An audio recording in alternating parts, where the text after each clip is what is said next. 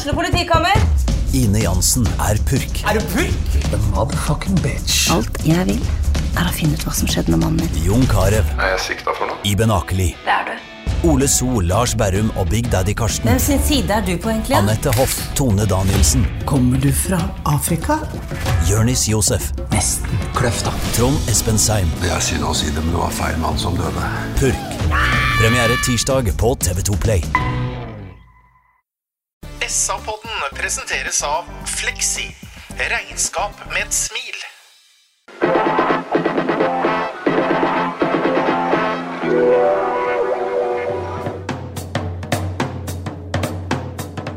Sarpsborg Arbeiderblad gir deg en ny episode av SA-podden med Sven René Nygård, Øystein Weber, Petter Kalnes og Bjørn Inge Bingen Nilsen. God dag og hjertelig velkommen til nok en episode av SR-podden. Denne episoden publiseres som dere vet på selveste Olsok. Dagen feires for å minnes han som kalles Norges evige konge, og som er Sarpsborgs grunnlegger, nemlig Olav Haraldsson.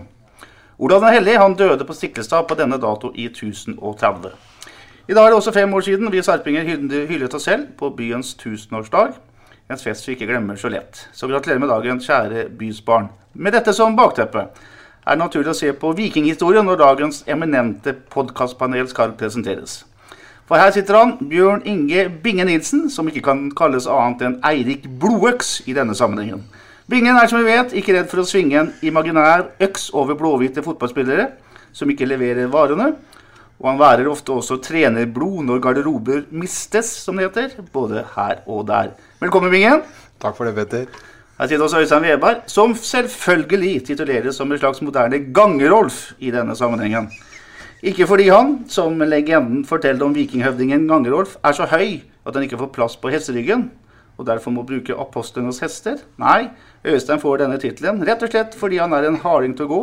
Både mye, ofte og veldig langt. Velkommen. Takk for det, Petter.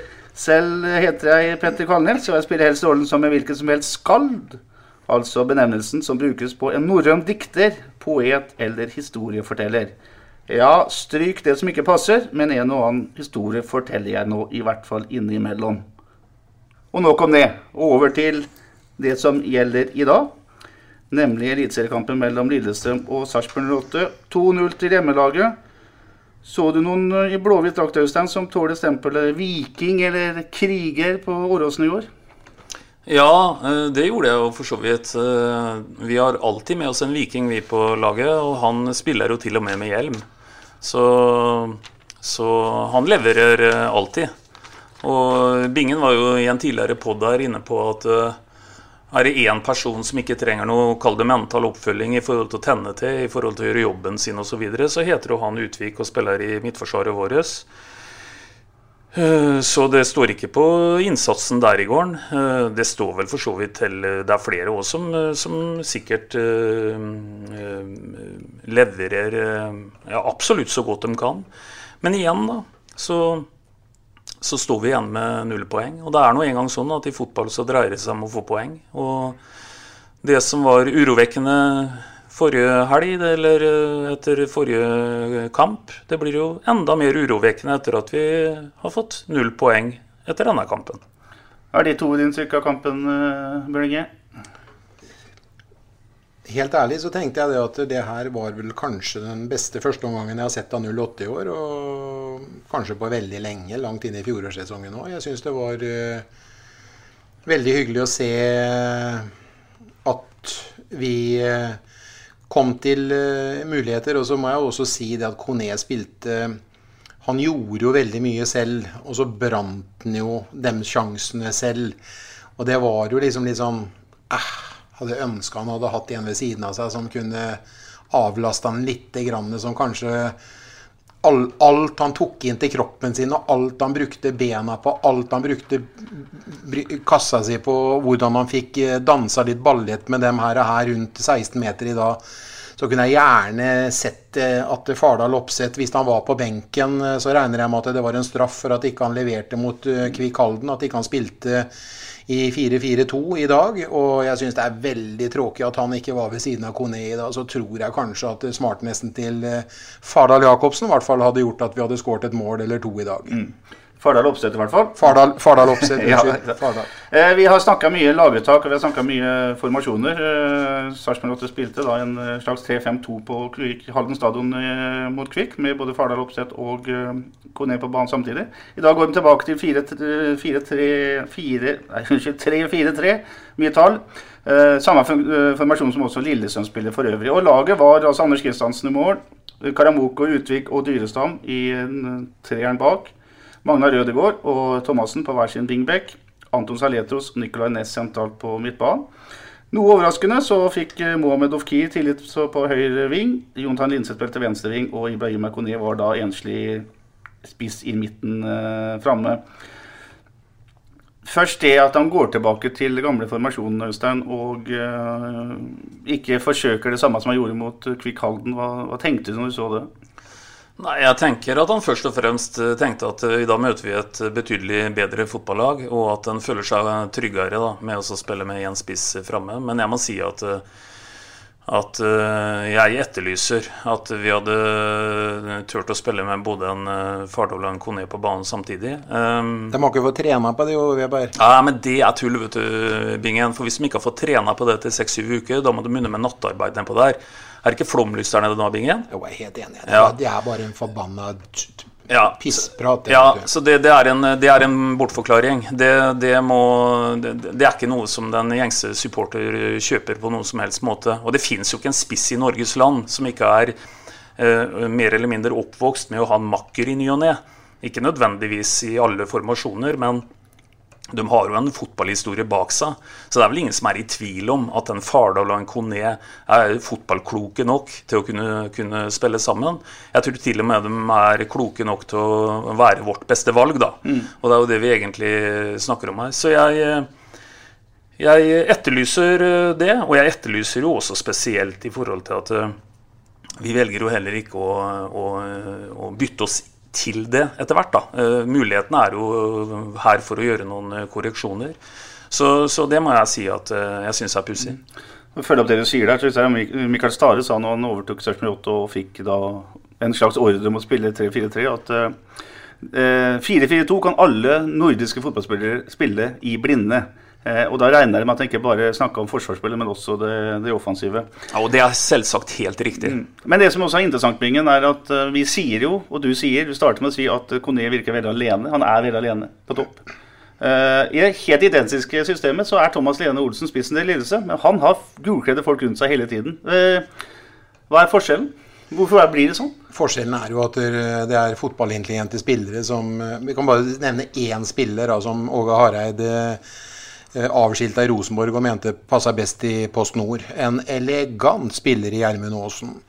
Bare se på en eh, vekta pasning og et løp eh, og en samkjøring mellom to spillere.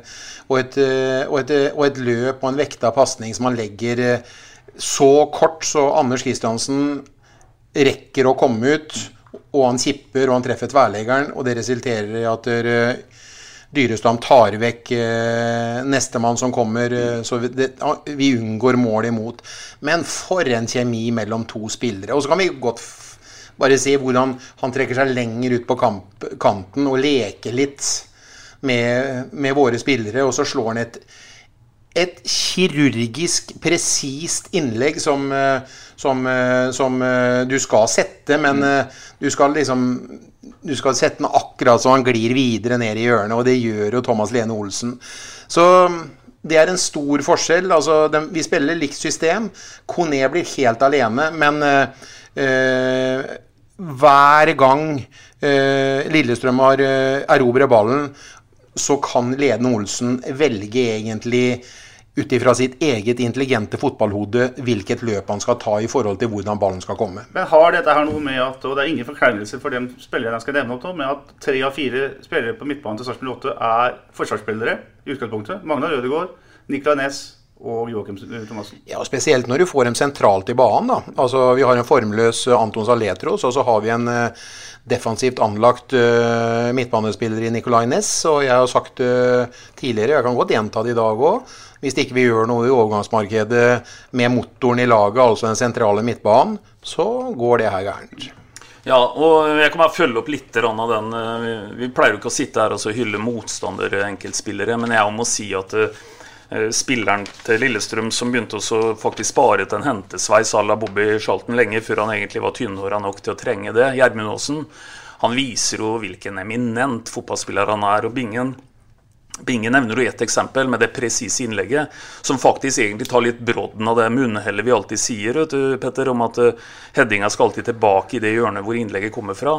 Men når, når du leverer sånne type innlegg som han gjør, kan du heade nesten hvor du vil, bare du ikke treffer keeper. For det er så hardt og så presist.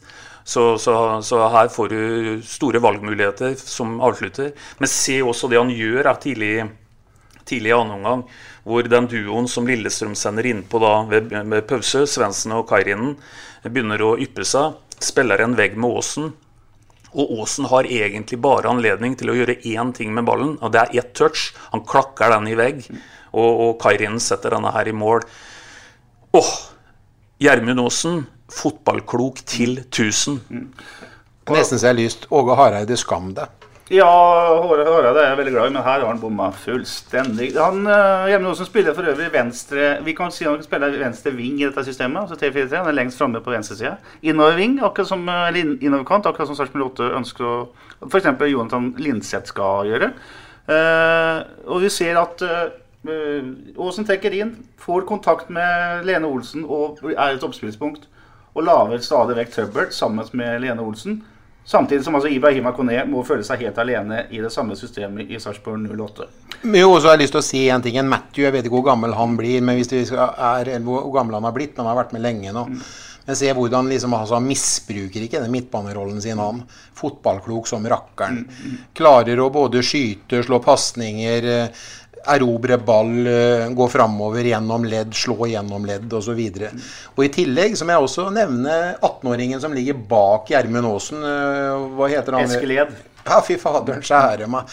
For en uh, terrier er et, og så jæklig opptatt av å ta med seg den ballen uh, i lengderetning uh, mot motstanderens mål når han erobrer ballen. Så Bakka har komponert et, et vinnende lag han på Åråsen nå, absolutt. Ja, jeg er helt enig. Du tenkte deg det spilleren som virkelig briljerte i dag i Ed. Altså, han var, Bingen var 37 år da han kom til verden. han spiller som han aldri har gjort noe annet. Og, og gir deg virkelig tru på at er du god nok, så er du jaggu gammel nok, altså. Helt enig.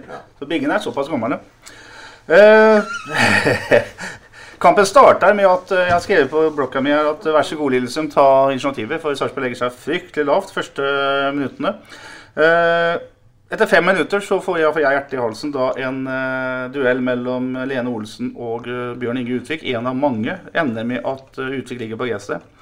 Lene Olsen på en måte låser armen til Utvik, og den berømte skuldra til Bjørn Inge, den som går ut av ledd rett som det er, den får seg en smell. Jeg var redd han var ferdig der, han var ikke det, men jeg liker ikke det at Utvik har vondt både i ankelen og i skuldra. Nei, det, det, liker ikke jeg heller. Og vi vet jo alle, bedre kanskje enn mange, at Utvik legger seg jo ikke ned i utrengsmål, som det heter. Da, er, da har jo han fryktelig vondt. Det fins jo ikke en spiller ute, og da kan vi inkludere alle 22 i dag. Det fins jo ikke en spiller på Åråsen i dag som har en høyere smerteterskel enn Utvik. Så det er klart at når han ligger nede, så er det grunn til å, grunn til å være bekymra. Og det er klart det drives nesten litt på en måte litt rovdrift mot han. For vi vet jo at han spiller stort sett med smerte hver eneste kamp. Mm. Helt, helt. Og så har jeg lyst til å si, liksom, hvis jeg kan godt si noe mer om kampen i forhold til hvordan vi fører, og hvordan vi slutter å føre, og hvordan vi tar over. Det har noe med selvtillit å gjøre. Vi er faktisk i ferd med å spille på oss selvtillit i den kampen her, vi. Og vi mankerer det derre målet. Og så kan du sikkert snakke litt om statistikken etterpå, hvor mange mål vi faktisk har skåra etter hvert. Men vi har muligheter til å skåre ett og to mål Eh, det hadde ikke vært noe veien for at det kunne bli 2-2 på Åråsen i dag. Såpass ærlig må vi, må vi være. At det var et uh, skritt i riktig retning den første 50 minuttene for oss på Åråsen i dag. Men så kommer da selvtilliten inn i bildet hvordan mål da på en måte preger Lillestrøm. Og hvordan de fortsetter da å kjøre og kjøre og kjøre. I tillegg så er de, har en sporadiske sjanser. Gjermund Aasen og eh, Lene Olsen har eh, mye bra i første omgang, dem òg. Men det når ikke helt inn. altså Tverrleggerskuddet spesielt da, til eh, Thomas Lene Olsen på pasningen fra Gjermund eh, Aasen.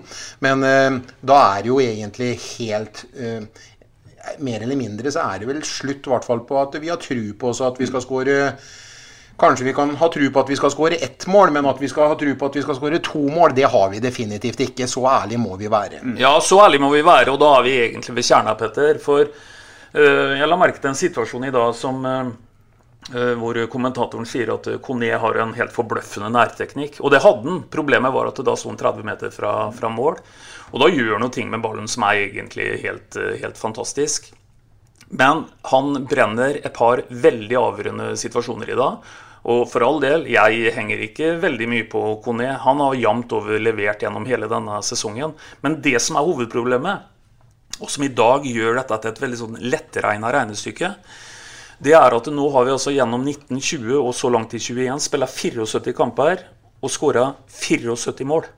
Seriekamper. Ja, seriekamper. Obligatoriske mm. seriekamper. Og det er kjerna i dette her. Vi, vi kan diskutere stillkarakterer og vi kan diskutere alt mulig.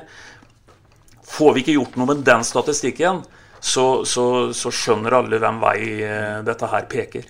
Vi kan like ta den statistikken og bruke litt tid på det. Jeg tror vi gjør det med en gang. For vi har sett litt på det her. Altså, du sier 74 mål på 74 kamper. Eh, på de 74 kampene så har man tatt 16 seire, spilt 28 uavgjort og tapt 30 matcher.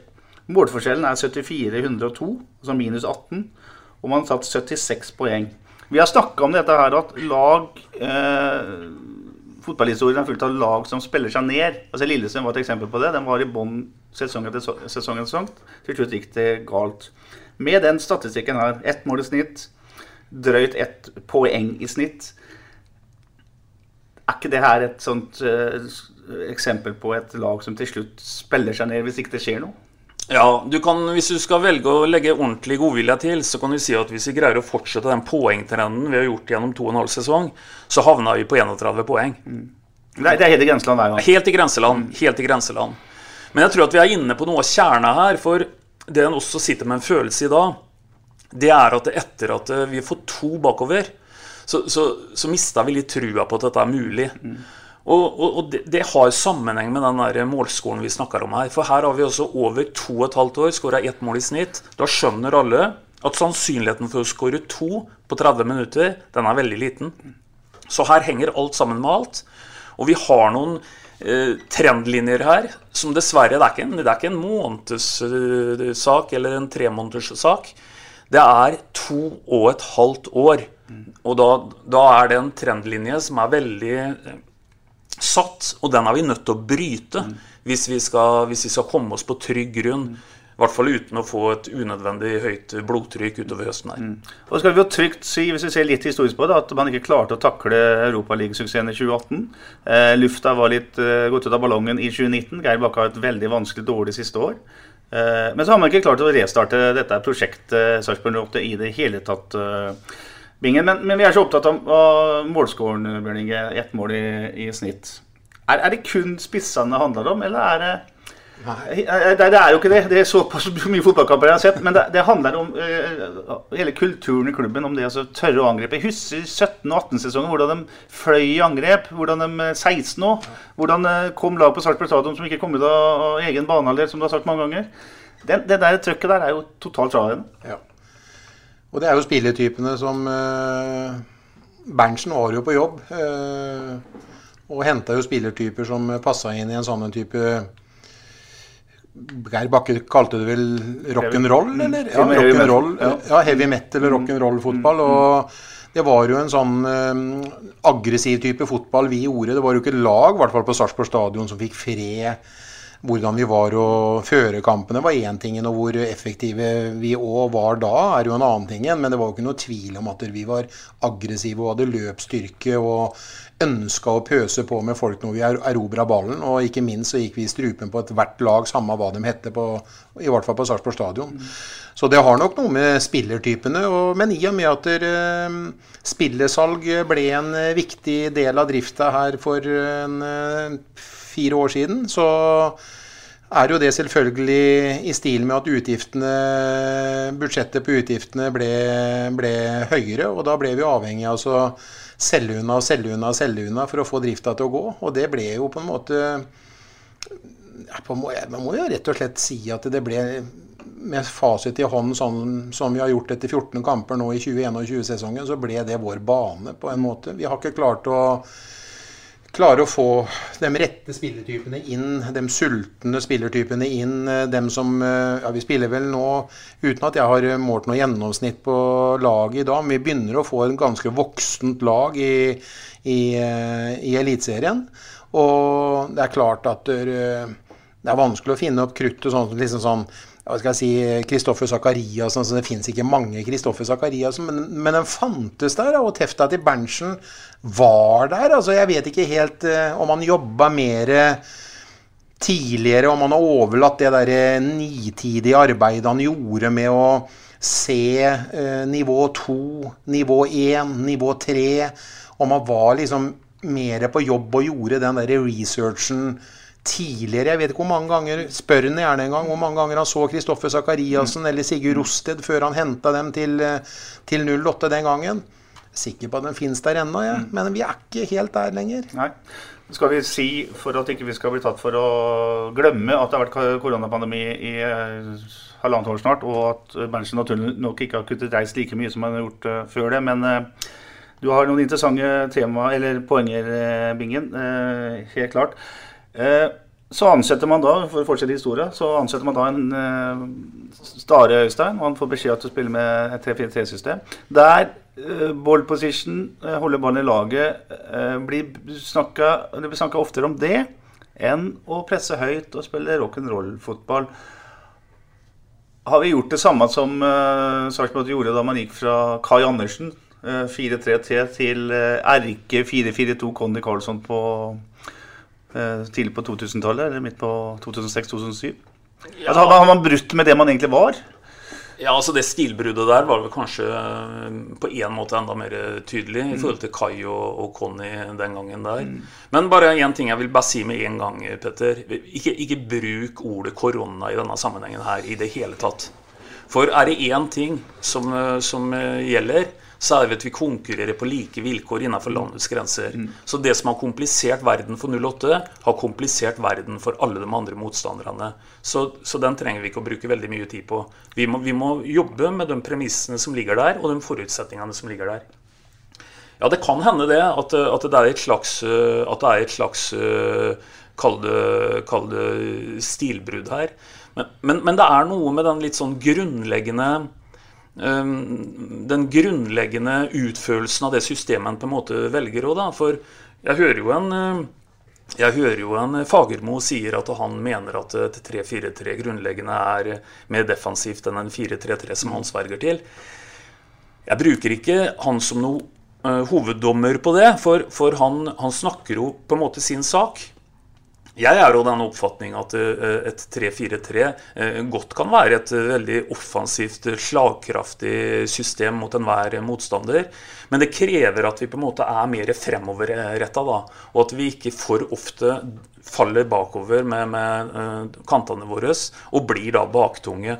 Så jeg tror ikke Lillestrøm i dag spiller jo 3-4-3 som grunnoppstilling. Og vi ser åssen det går. Registrerer også at Bohin på intervjuet med, med, med, Eurosport eh, Discovery før kampen sier at det er vanskelig å bryte ned et lag med ball når man i utgangspunktet spiller 5-3 Hva blir det for noe? 5-4-1. unnskyld. Eh, altså, Han innrømmer der at uh, det er fem bak som er uh, på en måte utgangspunktet, iallfall på Åråsen. Uh, men la oss holde oss litt til Bohin. da. Han sier at han ikke får trent nok på angrepsspill. Han sier også at han ikke får trent nok på avslutninger. Du nevnte for meg når vi satt på kamp, og satt, så kampen, Øystein, at, uh, eller prata litt sammen, at uh, det her er jo dårlig skjult kritikk av tidligere trenerregimer. Hva mente du egentlig med det? Ja, Det liker jeg dårlig. altså Uten å henge det direkte på boinen. Sånn generelt sett en uttalelse som jeg ser og hører altfor ofte, da, det er at det kommer inn det kommer inn en ny trener, og så snakker han som at han skal finne opp verden fullstendig på nytt igjen. Snu en skute, f.eks. Det er jo aldri snakk om å snu noe som helst. Det er snakk om å justere en kurs. Og, og nå, nå, hørte jeg Bohin sa at da, det er mye søndag-onsdag-kamper her og lite tid til å trene avslutningstrening. Glem det. Um, det er, det, det er, ikke det, det går på. Det er jo ikke sånn at den forrige treneren ikke visste at eh, du må skåre mer mål enn motstanderen hvis du skal vinne en fotballkamp. Så dette sitter også veldig i, dette sitter også veldig i, i huet på folk. Og jeg syns egentlig da så symboliserer Konede, eh, for å la han stå som et symbol mm. Han står i en situasjon som jeg nevnte i stad 30 eh, meter fra mål, eller 20 meter fra mål og gjør helt umulige ting med en ball. Han har, han har tre kall hengende eh, rundt seg og kommer ut av den situasjonen med en ball. Men da han står i en helt åpenbart mye enklere situasjon, på 5-6 meter og skal klinke til en på hele volley, da går den ballen over leilighetene på Åråsen. Og, og det, det, går egentlig ikke på, på hva skal vi kalle det, grunnleggende ferdigheter. Det er jo til syvende og sist ferdigheter når du ikke evner å tre den under, eh, under tverrliggeren. Men, men, det sitter mye mentalt der. Det låser seg i sånne situasjoner. Igjen basert på at den CV-en vi har nå når det gjelder eh, det som er sluttproduktet, den begynner å bli fryktelig lang og begynner å bli en tung ryggsekk å bære, rett og slett. Mm. Før vi går tilbake til kampen, eh, Bingen, så er det jo sånn at Stare erstattes av Lars Bohin. Lars Bohin skal ha flere folk i angrep. Syns du han har eh, svart på en måte opp til det han sa på forhånd, at vi har ha et mer offensivt lag? Jeg hører Joakim Thomassen si da at under Bohinen så skal vi ha flere folk i angrep. Uh, ser du det i praksis? Nei, jeg gjør ikke det. Dessverre, Joakim Thomassen. Og jeg ser ikke det Lars Bohin. Eh, Lars Bohin, han eh, Vi kan eh, ikke ta ifra han seieren mot Molde og, og Rosenborg. Og så er det én seier eh, Nei, uavgjort fortsatt ved siden av det, eller? Ja, og borte vant vi mot Tromsø. Ja, ja det var jo for så vidt eh, med Mikael Stare sin ja, seier. Ja, ja, ja. Eh, men jeg vil fortsatt stå på det jeg hevder, at den dagen som Anders Kristiansen og midtforsvaret med Bjørn Inge Utvik i spissen, eller forsvarsfemmeren, slutter å spille til åtte på VG-børsen på likt, så går det gærent. Og nå begynner vi å se litt den der, der sånn den fantastiske Anders Kristiansen som hadde reaksjonsredninger på reaksjonsredninger og gikk i stjerner og var håndballkeeper og var uh, helt uovervinnelig i enkelte kamper. Som da vi trengte veldig for å få den poenga vi gjorde mot de laga, det begynner liksom å ebbe ut. Det koster så mye krefter å spille opp på det der maksnivået der sånn, og dra seg sjøl i nakken og gjøre det kamp etter gang. Se åssen Utvik sliter nå med skuldre og ankler og Fy fasen, det koster så mye, ikke bare krefter, men også fysiske smerter. Så uh, det er uh, dessverre sånn at dem, dem seirene vi fikk, dem kan aldri noen ta ifra oss. Men vi skulle gjerne hatt noen flere mot både Mjøndalen og Brann hjemme på Sarpsborg stadion, for å si det helt ærlig. Og Sandefjord borte var en fadese, så jeg ser ikke helt hva Bohinen foreløpig har, har brakt som ikke Stare hadde, for å si det sånn. da.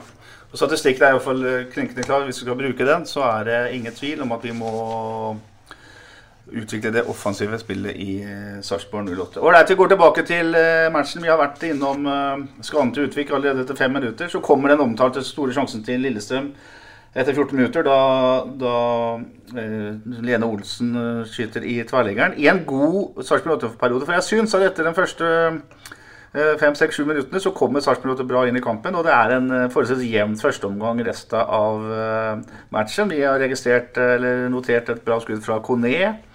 Vi har et en bra forsøk fra, fra Anton Saletro, som drar seg fri og skyter over. En volleysjanse fra langt, og riktignok fra Nicolay Næss, som går over mål. Eller jeg var ikke så lang, 16-17 meter. så kommer en En uh, situasjon der uh, jeg tror Sarpsborg 8 er heldig som slipper unna straffespark. For der mister Ness ballen på midtbanen, og uh, Lillestrøm fosser i angrep. Matthew skyter et skudd som Utvik blokkerer med handa. Gjør han ikke I hvert fall den nye hens-regelen? Ja, altså Han står med ryggen til og så blokkerer han med albuen. Og det er klart at etter den nye regelen og etter en sånn en veldig sånn eh, type streng tolkning, så går det an å blåse straffe på den. Jeg tilhører jo dem som syns det er greit å la fornuften seire på en måte, da, for han, han har jo ikke noen mulighet til å komme unna den, eh, den situasjonen. Men det, det er vel litt eh, på en måte også tilbake til den type analyse her. Det er at det er ingen tvil om at det var enkeltepisoder i dag som, som eh, var positive. Eh, vi, vi, har, vi, har, perioder i dag som, som, eh, som vi leverer ganske bra. Men det blir ikke noe sluttprodukt. Det blir altså ikke noe sluttprodukt. Og det er det som på en måte blir hovedfargen på det. Så lenge dette her gjentas og gjentas og gjentas, og det er det er uh, hovedproblemet. Mm, jeg er helt, uh, helt enig. Fortsetter vi med Og så den der, der sånn Skulle det blitt straffe der, vet du, mm. så er det jo helt forferdelig. Altså, Nicolay Næss, du er jo ikke alene på banen. Du kan ikke spille snurre rundt på egen 20-meter med han, eh, han, Matthew i ryggen, og så blir det det her. Her skulle det faktisk bli straffa det fordi at man skal danse ballett ute som, som defensiv midtbanespiller. Det går ikke. Helt enig. Han har et par brudd til mot seg og Ness pga. at han brukte for lang tid med ballen. 40 eh, minutter er spilt da Ofkir gjør noe veldig bra. Drar seg inn og skyter et skudd med venstre benet som Lillesunds keeper slår til hjørnespark med nød og neppe. Og så kommer den omtalte sjansen til Ibrahima Kondé. Eh, på overtid første omgang. Linseth en nydelig stikker til Kondé, som dessverre får den på høyrebenet og ikke evner å skippe den over eh, en utrustende målvakt. Hadde vært med venstrebenebingen så hadde han sittet, ikke sant? Definitivt, det har han gjort. Og han eh, hvis, hvis, vi snakker om sekvenser som ikke må få øve på, bare liksom ta Linseth og Vittu Nilsen og Kone, da, Bohinen, så kan du stå gjennom i ti minutter og så bare gjør det der ti ganger. Så prøv å la han få høyrebenet på han og så over Simen Vittu Nilsen idet han stuper. Så har du i hvert fall gjort den øvelsen her sånn. Det er ti minutter, det. Mm. Og det har de tid til, profesjonelle fotballspillere. Men du vil ha med Vitu Nilsen på den øvelsen, uh, Bingen? Ja, Anders Kristiansen han uh, stuper, han bør ikke bli skada fordi at han Kone er ganske hensynsløs når han uh, okay. går inn i en duell. Så, så, kanskje Så vi ofrer han Simen der? Det er kanskje Tom Hansen kunne gjort det. Tom var god i mål, men Simen er atskillig bedre. Spilte for øvrig en kjempegod cupkamp om søndag. Nå, vi, har vi nevnt det òg, Simen. Du, En liten anekdote, for jeg snakka jo litt med Bingen før vi gikk på her. Bingen. Eh, vi, vi har snakka mye om Gjermund Aasen og snakka om presise innlegg osv. Har ikke du en liten sånn en sak fra eh, SFKs krittalder? Jo, men da kommer sikkert noen Da kommer Finn til å si helt sikkert at det var ikke sånn det var. Men jeg har hørt siden jeg var liten gutt en historie da avdøde Leif Haugen var god eh, på kant, og eh, Terje Sundby kom opp som unggutt og lurte på hvordan han ville han, han han Leif ville at han skulle løpe på innløp, for han Terje var ganske vass på huet. Og da sa Leif Haugen at eh, det spiller ingen rolle, Terje, jeg treffer huet ditt allikevel, han. det er en nydelig historie fra en uh, nydelig tid og en bra mann, Leif Haugen, som sikkert også kunne sagt at fotball er enkelt når du kan det, og det kunne i høyeste grad uh, Leif. Som dere som har lytter til det, skjønner at det er vanskelig å ha noe regi på denne sendinga, men vi fortsetter. For jeg hadde nemlig enda en sjanse du, før denne første omgang var slutt, nemlig en heading fra Dyresand uh, på det hjørnesparket som følger etter, uh, etter uh, sjansen til Kone. Så der er Sarpsborg 08 ordentlig på hugget. Og etter pause så er man også ordentlig på hugget de første minuttene. Vi må stoppe i det 50. minutt, gutter, der vi ser en dommer som står med hendene i været og ber om unnskyldning. Men eh, akkurat det betyr jo ikke så veldig mye, Stein, at han ber om unnskyldning for at han blåste da Linseth ble hedda gjennom av Saletros. Nei, Det er naturligvis kjempedommertabbe. Det er dommertabbe på linje med at du ikke ser ballen Uh, er en halvmeter på innsida og ikke har målteknologi. Uh, det er jo helt håpløst å blåse. Men samtidig, da. Han står ti sekunder med hendene i været og sier at sorry, mm. jeg gjorde noe jeg ikke skulle ha gjort.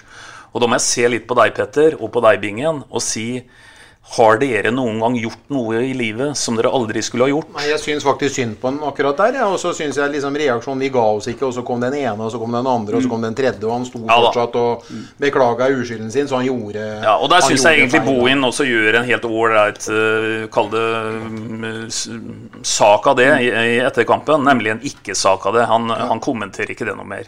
Feilen er begått, dommeren vet det bedre enn alle, men det er ingen tvil om at det er kjempestor tabbe, for her ville Linseth vært alene med keeper. For øvrig så var dommeren veldig god utenom det.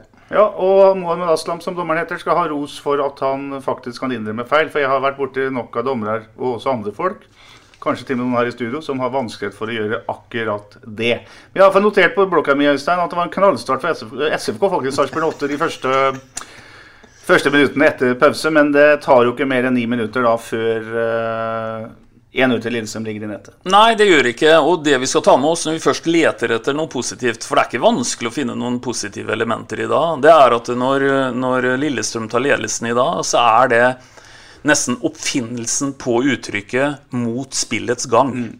For da har altså Sarpsborg vært best de siste ti minuttene av første omgang, og åpna klart best i, i annen omgang. Så Eh, og, og, hadde noen sagt på forhånd at uh, når vi får eventuelt 1-0 bakover eh, på Åråsen, så er det mot spillets gang, så ville det vært en positiv melding. For da må vi jo ha levert noe før det målet kommer.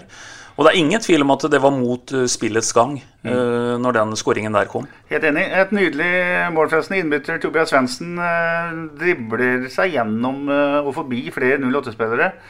Kanskje litt svakt forsvarsspill her, men uh, Svendsen var god i den uh, situasjonen. Spiller en kort ball til Gjermund Aasen, som Øystein tidligere har sagt, Uh, hadde én ting å gjøre, nemlig å hælsparke ballen til en innbytter til. Karinen som setter den i hjørnet med bredsida. 54 minutter. Tre minutter senere så er ja, da får vi si det er slutt på Åråsen, for da gjør Thomas Lene Olsen eh, 2-0. eh, Eh, du var en god keeper, jeg var en gjennomsnittlig halvfet midtstopper. Men for begge oss så var det der en vanskelig situasjon, fordi midtstopperen får et knallhardt innlegg over seg. Går over Bjørn Inge Utvik. Keeperen har ikke mulighet til å komme på den, og Dyrestam, som er den andre midtstopperen, rekker heller ikke å komme mellom Lene Olsen og målet. Ja, eh, Anders Kristiansen kunne gått ut og tatt eh, noen andre overlegg i dag, men akkurat der er han sjanseløs. Der kan vi heller applaudere både det presise eller kirurgiske innlegget til Gjermund Aasen, og så kan man eh, smartnessen, kan man hylle smartnessen til Thomas Lene Olsen, for det der var eh, et veldig bra mål. Men er det, er det mulig å, å være skikkelig kritiske til to midtstoppere som ikke klarer å fange opp uh, Lene Olsen, her, selv om han er smart og innlegget er knallhardt opp til sist? Jeg vet ikke, liksom går han første på han for, Hvis han går foran Hvis han foran Thomas Lene Olsen går på den, så header han vel rett og slett eget mål, gjør han ikke det? Jeg tror ikke han klarer å få han er huet også, Nei, ja, han er på innsida av ut, utviklet, altså den Ja. er lei å få vekk. Jeg tror ikke han klarer å få huet på nei, innersida. nei. Han skjønner Han er så knallhard, han kommer så fort. Ja, og så er det jo fordelen med at et innlegg er knallhardt, da. At alt skjer fortere. Skal den avverges, så- så må bare Anders Kristiansen på intuisjon ligge rett ut i lufta. Og ta den, ja. Ta headingen. Ja, Ja. Nok jeg, Abram, at vi sitter og kommenterer rett etter kamp, er at det er mange situasjoner vi ikke har sett i noen reprise. Men min magefølelse er at vi kan i hvert fall frikjenne Anders Kristiansen. Og det hadde sett helt Jeg tror ikke han hadde hatt noe mulighet Nei, ja, men liksom, det måtte vært han. Ja, at han bare ja. liksom har kommet sånn skutt ut av en kanon, litt sånn à la Kenneth Ringsrud, pang, Ja, ja, og så ja. lå han der. Eh, Det er litt sånn, men eh, det her var et jækla godt innlegg, og et eh, veldig godt plassering av, av eh, spissen. Men det er først og fremst såpass hardt, Petter, at eh, når det er så hardt som det, og i tillegg presist, så øker det eh, mulighetene for å avverge det Det øker jo ikke mulighetene for å avverge det. Det reduserer mulighetene for å avverge det kraftig. Så igjen, jeg støtter Bingen i forhold til det er bare å applaudere gutten med sir Bobby Charlton-sveisen på sida, og, og avslutningen til Thomas Lene Olsen. Ja. Thomas Lene Olsen, som for noen øh, år siden var så smått aktuell for Sarpsborg 8, men som havna på Lillesøm, har vel nå, er vel nå oppe i ti skåringer, hvis jeg ikke husker gærent. Eller var det ni? Ni eller ti. Sarpsborg 8 har gjort elleve så langt i sesongen. Det sier jo litt om uh, hvor viktig han er for det laget der. Ja, så sier det også litt om hvordan eh, spisser eh, kan eh, på en måte få en sånn en forløsende sak. For hvis vi går ett år tilbake i tid, Hvis vi skulle hatt en pod da og snakka om Lillestrøm, så hadde vi trodd for det første at Geir Bakke antagelig nærma seg avløsning. For de åpna helt forferdelig, og da snakka vi Obos-liga. Og Thomas Lene Olsen hadde en måltørke som på det tidspunktet gjorde at jeg tror ikke var den eneste eliteserieklubb som på det tidspunktet kasta øya sine på han. Så begynte det å løsne. Og vi vet jo det potensialet Thomas Lene Olsen har. Det er en av Norges beste spisser. Da er det altså 2-0 til Lillestrøm. Eh, dere sa i stad, begge to, at det har med selvtillit å gjøre, og at eh, kampen på mange måter føles tapt der og da. Eh, men det er, det er, lenge igjen, over en halvtime igjen. Det er kanskje til og med 35 minutter igjen med overtid. Det eh, Lars Bohin gjør i det 62. minutt, er å gjøre et dobbeltbytte. Og da tar han ut Ofkir og setter inn på Ole Jørgen Halvorsen. Så tar han ut uh, Linseth og setter inn på Emil uh, Pålsson. Og sånn defensiv spiller inn, offensiv spiller ut. Og så flytter han da Saletos opp på kant i den uh, Gjermund Aasen-rolla. Jeg satt jo igjen jeg, og venta på Fardal Opseth. Ja, da er vi jo tilbake igjen til det med å sitte på all mulig informasjon her, da. For det er klart at hvis det sitter en skadefri Fardal på sida i dag varmer i hvert fall opp til siden. ja, ja, som, som, er den som egentlig kan, kan, trylle litt. Vi så det målet, det første målet han skåra, det var vel da han reduserte mot Molde, som kommer litt sånn ut av ingenting. Altså, Er det én mann som skal innpå, så er det vel en Fardal, tenker jeg. Men nå har jo ikke jeg den utdannelsen som eh, de har, de guttene som står på sida. Så de kan nok mer om det enn meg. Men for meg må jeg bare si at det ser veldig rart ut. Og vi kommenterte jo også byttet med, med Palsson eh, da vi jaga et, eh, et, en utligning mot Mjøndalen. Nå var det tross alt litt bedre, for for nå satt en, en, en Anton Saletros fram i banen, selv om han heller ikke leverer det vi hadde håpa på. Den gangen så ble jo han tatt av mot Palsson. Men, men, så lenge de også kommuniserer at Palsson er en spiller som, som først og fremst er en type som kan kalle det drepe en kamp hvor du, du leder en kneppen seier, så er det igjen et veldig rart bytte. Og ekstra rart når vi har en egentlig det vi tror, en relativt lur målskårer på benken. Kampen ut. Gir han opp litt allerede en halvtime før slutt?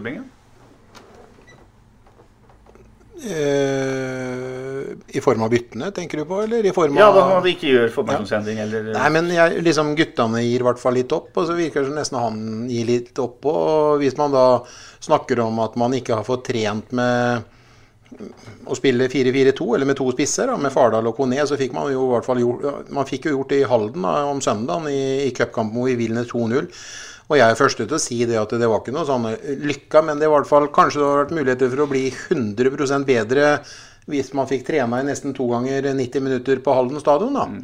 Så det er jo ikke noe tvil om at Fardal, Oppsett og Kone hvis ikke de to skal spille sammen, så blir det på en måte litt, litt, litt misbruk, spør meg. Mm. Og så syns jeg også det er litt spesielt Og det går jo mer på liksom type motoren i, i, folk her. Du tar altså av en spiller som vi vet at, at løper mest av alle, en Linseth. Og det syns jeg virka litt rart. For er det en som jeg tror går av bane i dag og har mye igjen, sånn i tanken, så er det jo en Linseth, basert på erfaring tidligere.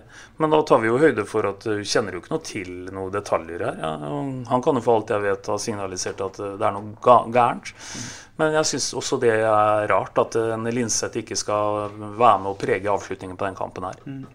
Kampen den dør mer eller mindre ut etter hvert. Det er en jevn annen omgang etter skåringene, men det ender altså 2-0 til til Lillesøm. Vi har vært innom situasjoner her. Vi har vært innom uh, misbrukte målsjanser. Vi har vært innom Lillestrøms uh, flotte uh, skåringer. Igjen så sitter vi jo med en følelse av at det er marginer her. Så er spørsmålet om det er marginer, eller om det er kvalitet det handler om. Ja, men det er jo sånn, og, som en ofte sier innafor, kall toppidrett, at at, hva var det Ingmar Stenmark sa? At jo mer jeg trena, jo mindre uflaks fikk jeg, på en måte. Eh, det er jo noe med det at du kan kalle enkelte ting for eh, utur og eh, litt sånn lite flyt. Men vi har kommet inn i et spor hvor vi føler at nå er trendlinjene så lange. Så, så, så det, det virka litt sånn fånyttes å sette det stempelet på det. At vi har utur osv. For, for det går over for lang tid. Tendensen er for lang. Og, og, og, konkret, da, ta det som er spillets idé i forhold til fotball, nemlig å skåre mer mål enn motstanderen så, så holder ikke at vi har skåra én blank i snitt i 30 måneder. Nei, det er jeg helt enig i. Jeg har lyst til å, å, bruke også et par minutter gutter, på treneren til eh, Lillestrøm, Geir Bakke. Jeg syns han faktisk fortjener det. Jeg har lyst til å si på egen eh, regning først da, at uh, jeg har litt lyst til å si litt om det ettermælet som Bakke på mange måter har i en del fotballmiljøer i, i Sarpsborg. Eller etter at han forlot da, skuta i romjula 2019 under ganske dramatiske omstendigheter. Det er litt for mange sarpinger synes jeg, som er flinke til å snakke ned Bakke som trener. Eh, han var jo ifølge dem både defensiv og feig og, og det som verre er. Eh, faktum er jo at uh, Geir Bakke uh, er den mest suksessrike fotballtreneren for et lokalt toppfotballag i moderne tid. Det er jo ingen, ingen tvil om. Hvis vi ser på Sarpsborgs fotballhistorie, så er det også vanskelig å finne lignende type trenerprofiler som har gjort en så god jobb som Bakke gjorde i fem-seks sesonger her i, i Sarpsborg. Eh, Bronsemedalje, to cupfinaler. Dette er historie, et europaligaeventyr. Men plasseringene i ligaen er altså 11, 6, 3, 8 og 12. Og selvfølgelig også kåra til årets sarping i 2018. Hvorfor snakker så mange ned prestasjonen til Bakke, eh, Øystein? Er det fordi 2019-sesongen var så nitrist, eller har vi så korttidsminne her i byen at uh, vi har glemt åra, sesongene 15, 16, 17 og 18? Jeg tror nok det er mye det siste. Og, og fotball er jo, som en har vært innom før, veldig sånn ferskvareorientert business. Så det går nok, uh, går nok, mye på det. Jeg tror det er en litt sånn kollektiv en litt sånn, Kall det en kollektiv korttidshukommelse. Men det gjelder, det gjelder jo oss alle. Altså, vi, vi, kan jo dra de linjene der mye lenger òg. Altså, vi har jo snakka om det før. at at den gangen Bingen og de drev og herja på, på 90-tallet, og det øverste nivået vi hadde i byen, var faktisk enkeltår i det fjerde øverste mm. nivået. Mm. Hadde du den gangen sagt at, at vi skulle sittet her i byen og vært kritisk til et lag som snart skal kanskje til og med spille sin tiende sesong på Raja Eliteserien, så hadde du lurt på om det var noe veldig gærent.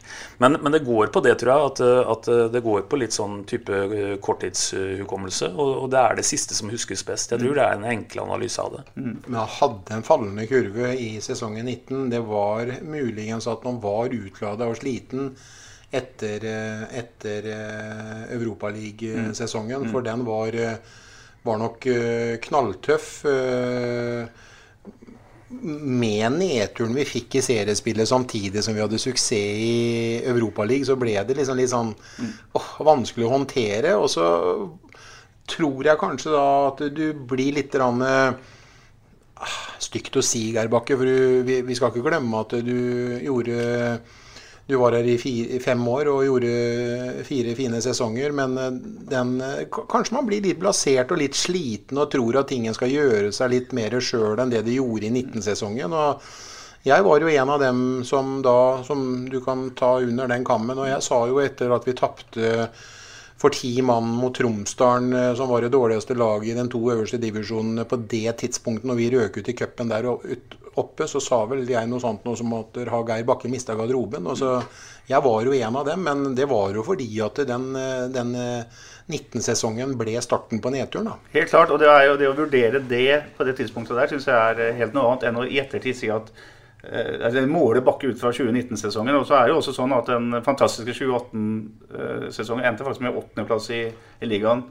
Eh, samtidig som et godt europaligaeventyr. Eh, men, men, det er en faktor til, Petter, og det er at han var her i fem år. Og fem år i, i, i toppfotballen, det er faktisk relativt lenge. Det er ikke veldig mange trenerprofiler som, som, sitter noe lenger enn det. Du har noen hederlige unntak. Så, så, det var også en kombinasjon med at at eh, det var vel som et gammelt ekteskap som begynte å knirke litt, og at en begynte å bli litt eh, lei av hverandre. Så det var sikkert litt gjensidig Det viste seg jo for så vidt litt sånn etter hvert òg. Så det har nok eh, også litt sammenheng med det. Men jeg er helt enig i utgangspunktet ditt her. Når vi skal kaldt sette oss ned og analysere i etterkant, så nytter det ikke å kalle Bakkes periode i Sarpsborg 08 for noe annet enn en suksess større enn vi kunne forvente. Mm.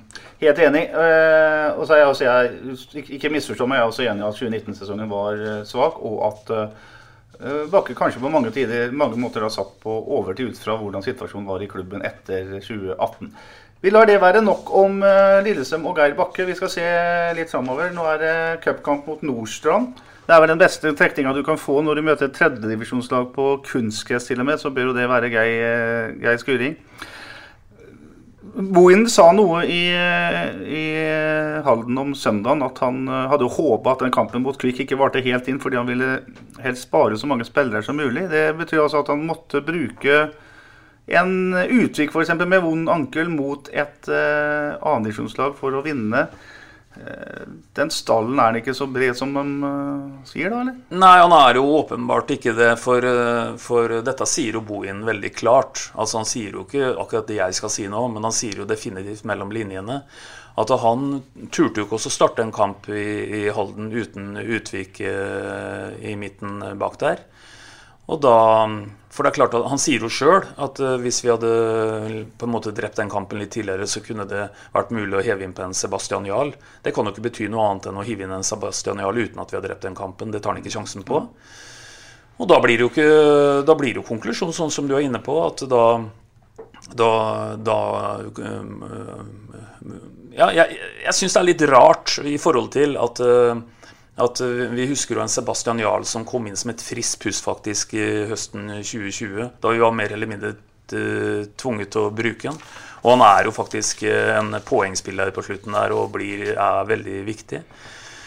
Og jeg syns nesten litt synd på, på Utvik, som, som har bare to, to, Det er sånn på- og av-knapp på, på, Utvik. Det er ikke noe mellomting. Mm.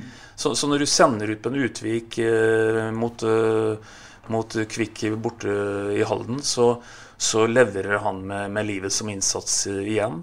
Og med tanke på det vi har vært innom, at eh, han sliter og har mye smerte og hadde trengt litt hvile, så kunne det vært en gyllen mulighet til å hvile han. da. Mm. Så hadde vi selvfølgelig vært den første til å kritisere Bohin hvis han hadde stilt et reserveprega lag og, og blitt slått ut av Kvikk, men uh, Sebastian Jahl er jo et interessant uh, case. da, hvis du kan se, og Det har, det har ikke noe med Bohin i det, det har jo med hvordan man har behandlet han siden han kom hit uh, foran 2019-sesongen. Han har også spilt 11 kamper og skåra ett mål for Sarpsborg 8. Var landslagsspiller. Er nå altså ifølge treneren ikke god nok til å spille mot et uh, andredivisjonslag. Ja, og så kan vi jo se på hvor Nå har ikke jeg regna på snittalderen, men jeg er, sikker, jeg er, ganske sikker på at den begynner å bli ganske høy i løpet av 08 sin historie nå. Mm. Bra. Etter at Nordstrand uh, sannsynligvis eller uh, er knust i Oslo på, på søndag, så er det altså Stabæk neste, neste søndag, neste eliteseriekamp. Også neste uh, eliteseriepod, vil jeg nesten kalle det vi driver med her. Det er en sånn Svenskene kaller det en moste-match. Ja, det er en moste-match. Men før vi kommer så langt som du sier, så skal vi møte Nordstrand. Og jeg har frist i minne at en klubb omtrent akkurat 17 km herfra, når hun var på høyden, virkelig på høyden, med, med legenden Knut Torbjørn Eggen. Møtte Bøler i en NM-kamp, som også var et uh, tredjedivisjonslag. Og hvor, uh, og hvor uh, Eggen må bruke utestemme uh, for å berge inn det som holdt på å bli et skandaleresultat i Oslo. Så, så bare så vi har sagt det, da, at, at kampen skal spilles. Jeg er helt enig med deg i utgangspunktet at at en presumptivt eh, enklere annenrundekamp er eh, kanskje vanskelig å få. Men kampen skal spilles, bare så det er eh, sagt. Diplomatisk og godt sagt. Så er det fordi du ikke tør å snakke om Stabæk, eller? Nei, vi kan, godt, vi kan godt snakke om Stabæk. Skal vi bare sjekke bare sånn kjapt her, Petter. Den er altså den 8. august, og da skal vi rett og slett til Nadderud klokka 20.00. Og du har helt rett. Dette blir en kamp som eh, eh, det er farlig den 8. Eh, august å snakke om sånn være og ikke være og sånn. Det, det, skjønner jo alle. Det er én kamp til før vi faktisk er halvveis i antall kamper. Men som vi har også vært innom tidligere, det er ikke helt uvesentlig hvor vi henter poengene våre. Og Stabæk vinner vel borte i, i denne serierunden vi er inne i nå. Og og forsterker jo også. Mm. Det er jo også et sentralt poeng som vi skal kanskje komme litt tilbake til. Så mm, her er det umulig å hvile på noe som helst. Det blir, det blir en tøff kamp. Bare for å ta tabellen da, før vi fortsetter å prate. Nummer 12, Sarpsborg 8, har altså 14 poeng, 14 kamper. Nummer 13 er Mjøndalen, 13 kamper og 12 poeng. Det betyr altså at hvis Mjøndalen vinner sin hengekamp, så er de foran Sarpsborg 8. Eh, Tromsø er nummer 14, 13 matcher og 10 poeng. Stabæk nummer 15, 13 matcher og 9 poeng. Og Brann 14 matcher og 7 poeng. Det betyr at det er kort vei ned, Bingen. Er, eh, vil du ha en eh, lag som går for tre poeng på Nadderud og ikke noe annet? Ja, definitivt. Er, men eh, jeg vil si som Veberg at det er veldig viktig å ikke tape, da. Men samtidig så vinner vel Stabæk i kveld, uten at jeg har sjekka det åssen det gikk helt inn? Jo, det vant. Ja. Eh, Stabæk eh, har jeg sett lite grann, og det er eh, et ganske offensivt lag, for å si det helt ærlig. Og så hvis de begynner å få skadefrie stoppere på bane, rutinerte ja, i Krumtapp eh, Sime Vamberg, eh, som også skårer et mål i dag, så er de helt klart et lag som eh, kommer til å skåre mål. De har noen kjappe spillere. Edvardsen ser jeg skårer et mål i dag igjen. altså vi er helt avhengig av å skåre, for jeg tror vi kommer til å få mål imot oss. Så vi er helt avhengig av at vi gjør et mål, Kone. Og Fardal Opseth, så kunne vi kommet unna det med 1-1, aller helst 2-1, men vi kommer til å få et mål imot. Da har han en arbeidsuke til å trene og uh, to spisser eventuelt, Øystein? Uh, ja, nå får han i hvert fall en hel uh, treningsuke etter kampen mot Nordstrand. Og den, den må benyttes godt. Mm. Bra. Jeg kan også fortelle at kampen mot Nordstrand den sendes på SA-TV førstkommende søndag klokken 18.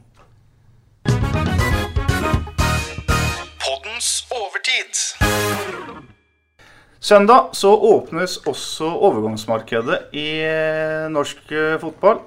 Det betyr at uh, norske klubber kan forsterke laget sitt, eventuelt kvitte seg med spillere de har på kontrakt.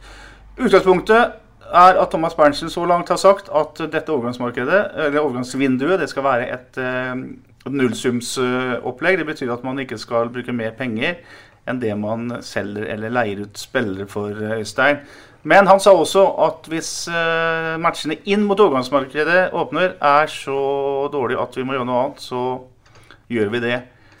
Tror du Sarpsborg 8 nå sitter og sier at vi må, vi må, gjøre noe, ellers så kan dette gå gærent? De sitter i hvert fall garantert og teller på knappene, for dette valget her er ikke veldig enkelt. For eh, og Jeg er ikke så veldig opptatt av akkurat hva Thomas Berntsen sier i forhold til det, for dette må jo være en klubbbeslutning eh, helt opp til eh, Hans Petter Arnesen. Mm.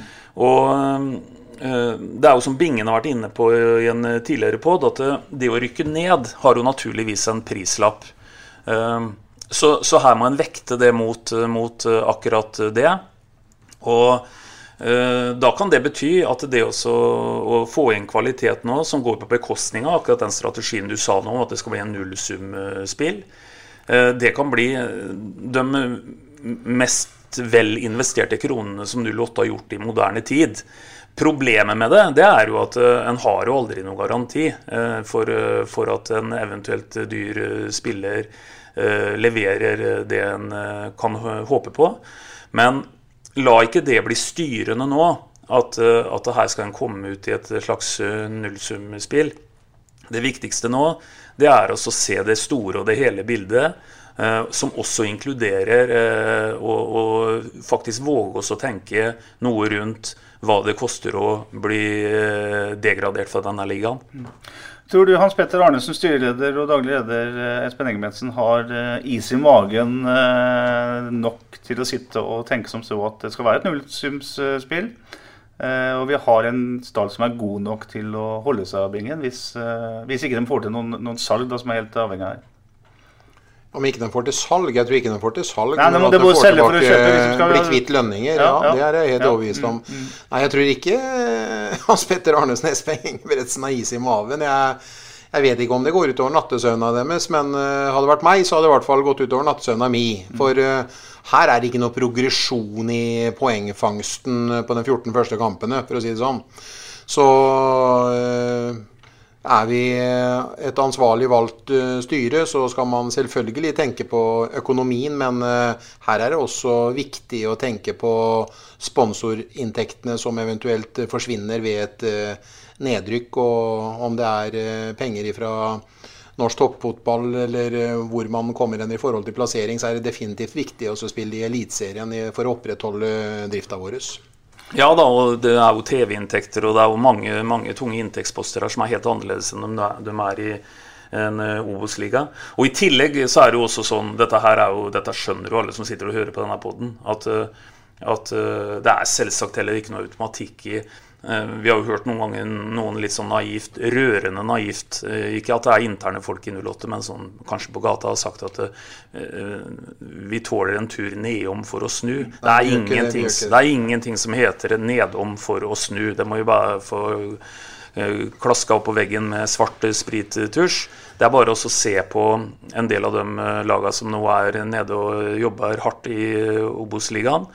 Og vi har vel sagt før at hvis en Leeds-supporter omtrent ved årtusenskiftet sa at de skulle en tur nedom for å snu, så var jaggu den turen ganske lang. Ja, og hvem trodde det skulle ta 44 år fra den blåhvite gikk ned i 74-bingen til vi så dem i Eliteserien eller i Toppserien? Nei, så vi må ikke, vi må ikke forsømme. Vi har egentlig vært på en uh, litt sånn dum kurs nå da, siden 19, og vi trodde vi hadde lært etter 19-sesongen, og vi trodde vi hadde lært etter 20-sesongen, men vi havner faen i meg i det nå i 21-sesongen òg. Det, er, det som er den praktiske utfordringen her, det er det som eh, vi noen ganger har snakka om, at eh, det er ikke, dette er ikke en sånn butikk. altså Det åpner på en måte butikken, men det er ikke en sånn type butikk som, som kona til, til, Bingen driver nede i St. Marie-gata her. Hun driver for øvrig to butikker, bare så det er sagt.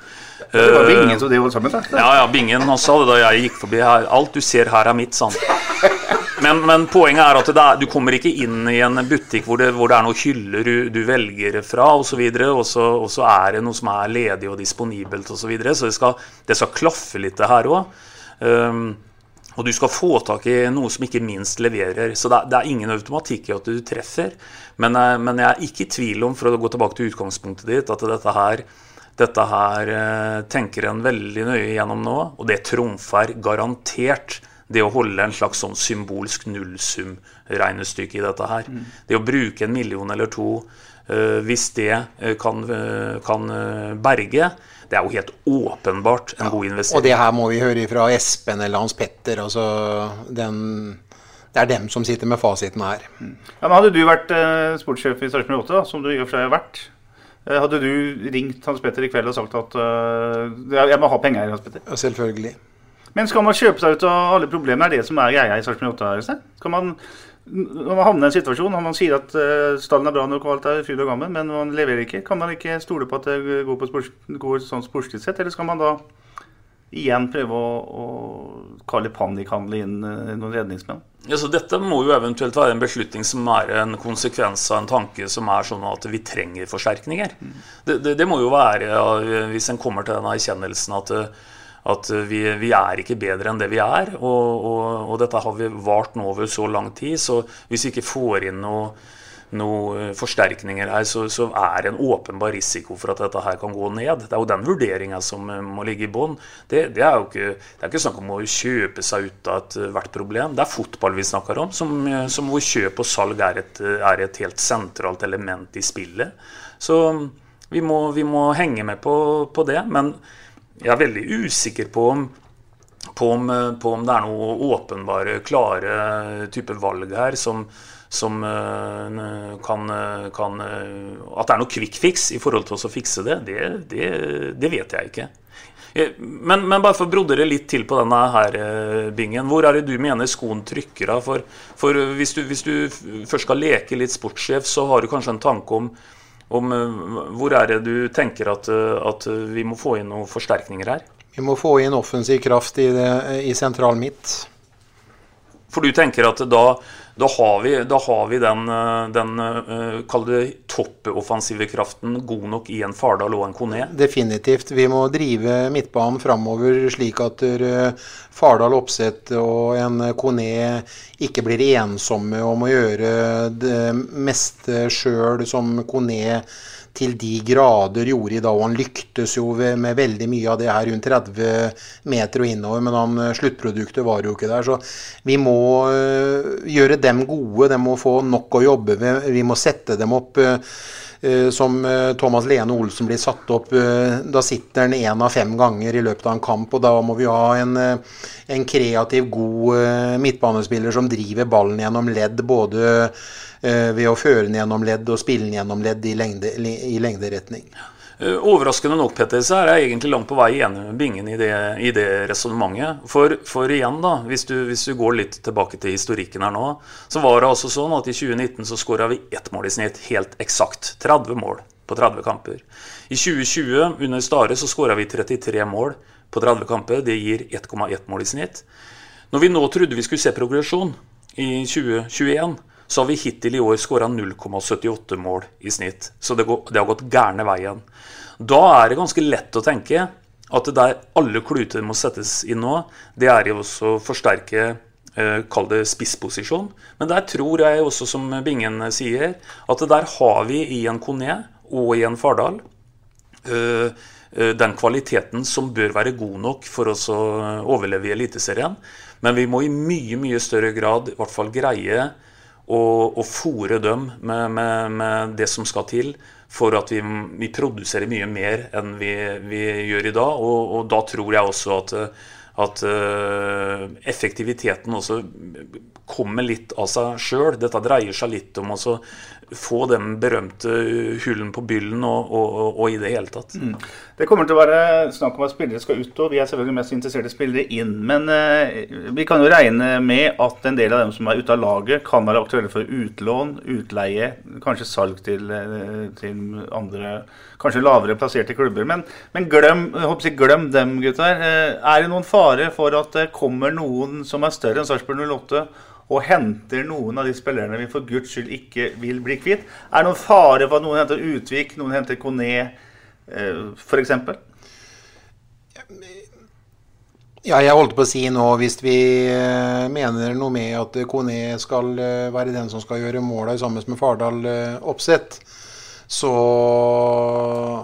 må vi være tøffe nok til å si at det ikke er aktuelt. Hvis så skulle være tilfellet at det kommer en tyrkisk klubb nå som legger et visst antall eh, penger på bordet, så syns jeg vi skal stå imot det. Det er vel bedre å prøve å få en klubb til eh, Rashad, som er så langt ute i kulda så han ikke er med i troppen engang etter at han har vært utestengt eh, på, på, disiplinære problemer eller grunner eh, to ganger, eh, hvis ikke jeg kan eh, huske feil, og som fortsatt er ute i kulda.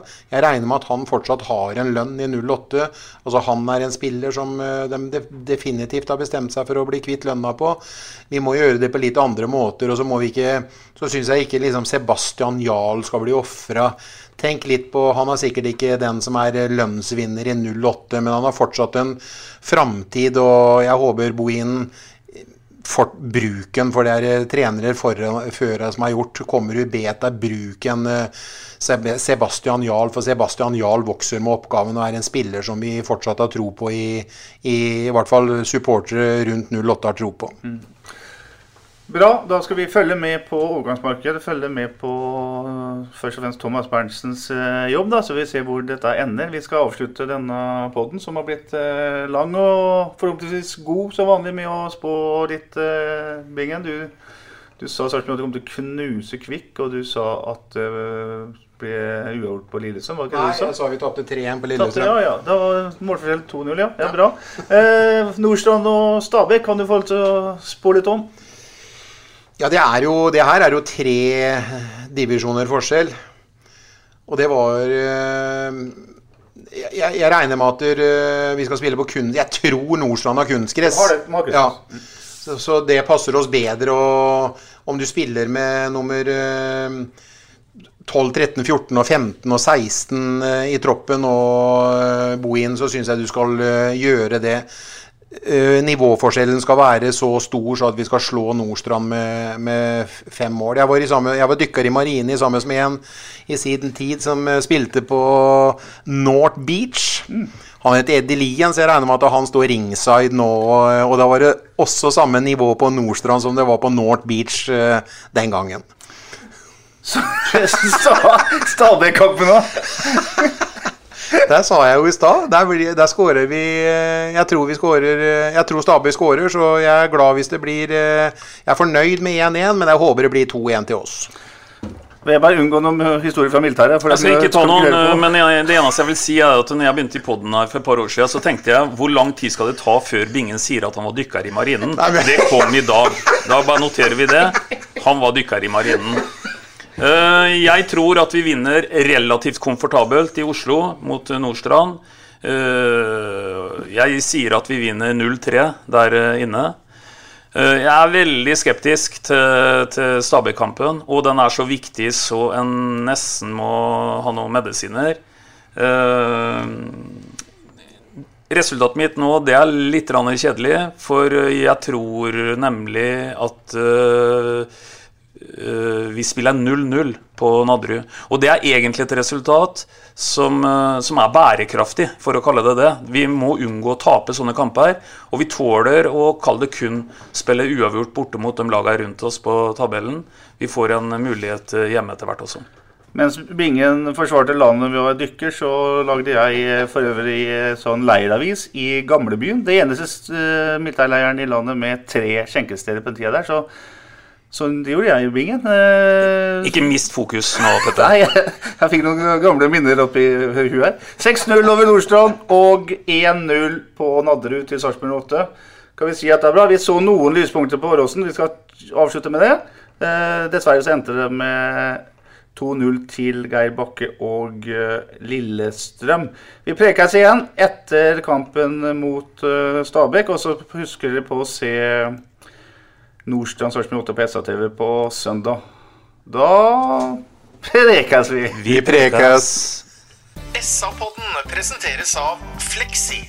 Regnskap med et smil. Ukens annonsør er HelloFresh. HelloFresh er verdens ledende matkasseleverandør og kan være redningen i en travel hverdag. Mange av oss har nok vandret i butikken både sultne og uten en plan for middagen, som ender med at vi går for de samme kjedelige rettene gang på gang. Middag burde være dagens høydepunkt. Som HelloFresh kan du nå velge mellom 25 ulike retter hver eneste uke, eller få HelloFresh til å sette sammen menyen for deg. Dette gir deg muligheten til å prøve nye og spennende retter alene eller sammen med familien. Du velger antall porsjoner og får alt levert på døren på et tidspunkt som passer for deg. Oppskriftene er enkle, og maten er lett å lage både for store og for små. Ved å få alt levert hjem får du også mer tid til å dele matgleden med familie og venner. Kanskje det frister med asiatiske tacos eller greskinspirert kylling? Da kan jeg anbefale deg om å gå inn på hellofresh.no. Her kan du bruke koden FOTBALL og få opptil 1779 kroner i rabatt på de første fem matkastene hvis du ikke har prøvd HelloFresh tidligere. Du kan også bruke rabatten hvis du har vært kunde og stoppet abonnementet ditt for tolv måneder siden eller lengre. Gå inn på hellofresh.no og bruk koden FOTBALL. Har du et enkeltpersonforetak eller en liten bedrift? Da er du sikkert lei av å høre meg snakke om hvor enkelt det er med kvitteringer og bilag i fiken, så vi eh, gir oss her, vi. Fordi vi liker enkelt. Fiken superenkelt regnskap.